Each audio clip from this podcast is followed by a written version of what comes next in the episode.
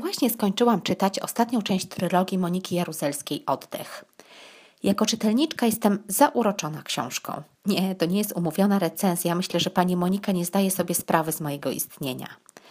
Uwielbiam taki rodzaj prozy, taką krótką formę, która daje się ogarnąć i jednocześnie powoduje, że procesy myślowe uruchamiają się na całego. I wtedy czasem klucze lądują w lodówce, masło na parapecie, a mój umysł błądzi w zupełnie innych rewirach. Jako trenerkę rozwoju osobistego oddech zmusił do weryfikacji tego, w co chciałabym wierzyć w kwestii życia i obszaru ludzkiego wpływu.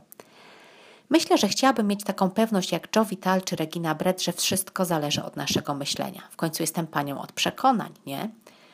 Pewnie, że jakaś część mnie bardzo chce w to wierzyć. I jednocześnie, gdy rozmawiam z kimś, kto właśnie ciężko choruje albo stracił kogoś bliskiego i na tę chwilę nie widzi możliwości, żeby się zebrać do kupy, albo z kimś, kogo dociska kredyt we frankach i zastanawia się, za co kupi naprawdę podstawowe rzeczy, po prostu nie odważyłabym się powiedzieć, to wszystko jest w Twojej głowie i zależy od Ciebie.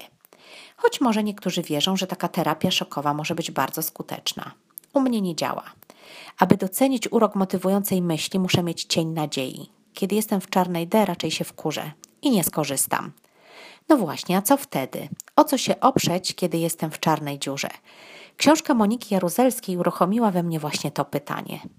Niektórzy idą na wojnę, walczą do upadłego. Podziwiam, ale ja nie mam na to siły.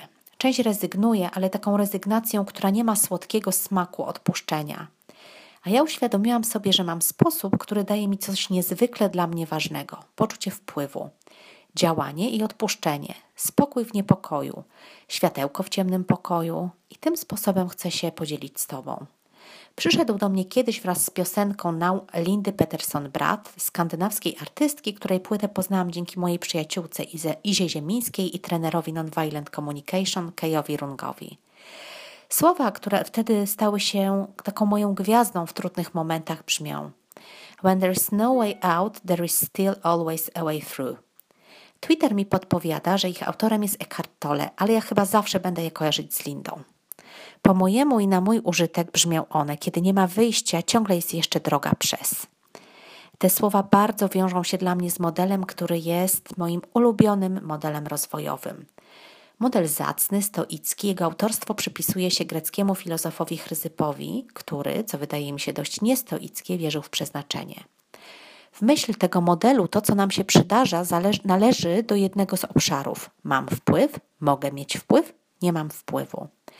Stoicka mądrość radzi, aby działać w obszarze wpływu, zaś oba pozostałe, a już na pewno obszar nie mam wpływu, po prostu sobie odpuścić. Bo działanie w nich to strata czasu, energii, siły, miotanie się i walka, i często skazana na niepowodzenie, bo efekt końcowy jest poza obszarem naszego wpływu. A jak to się przekłada na życie, zwłaszcza w obszarze finansów?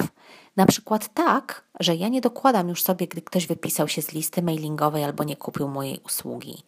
Nie zadręczam się szukaniem, co jest ze mną nie tak, albo nie zadręczam się myślami, że taki jest rynek, bo na te elementy nie mam wpływu.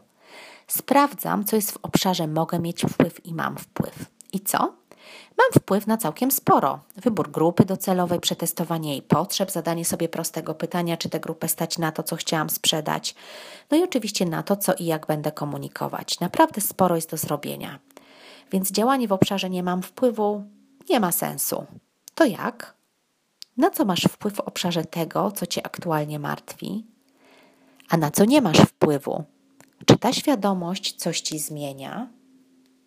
Daj znać, proszę, bardzo czekam.